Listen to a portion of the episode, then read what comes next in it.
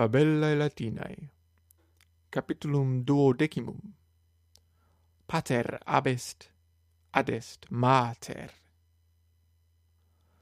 Liberi in lectis suis dormiunt.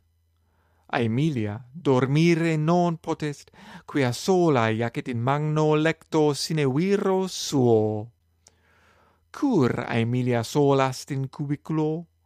Solast, quia Iulius vir eus ab est. Ubi est Iulius? Is Roma est. Aemilia exite cubiculo osium post se claudit et intrat in atrium, ubi circum in pluvium ambulat.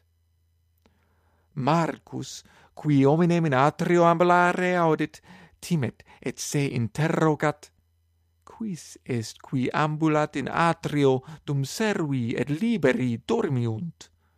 quid agit ille homo pater familiae Roma est dum dominus a villa abest filius eius est dominus. Nec esse est sine timore virum improbum petere.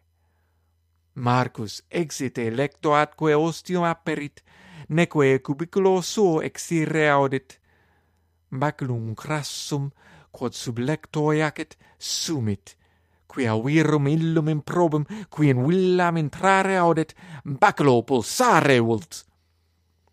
A Emilia, quae ostio aperiri audit, ad cubiculum marci se vertit, et Marcus, qui hominem per umbram ad se venire audit, per territus est.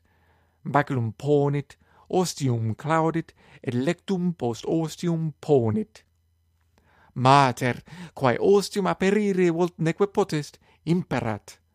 Age, aperi ostium Marce, mater tua est.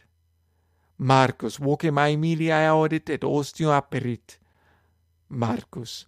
O oh, mamma, vir improbus in atrio ambulat et Aemilia ridet, et filio suo osculum dat. Non est vir improbus, sed femina proba, quae virum sum probum expectat pater abest, sed mater tua apud te adest. Nemo improbus in anguillam mentrare potest aut audet. Et mater et filius rident, et russus lecto suo petunt.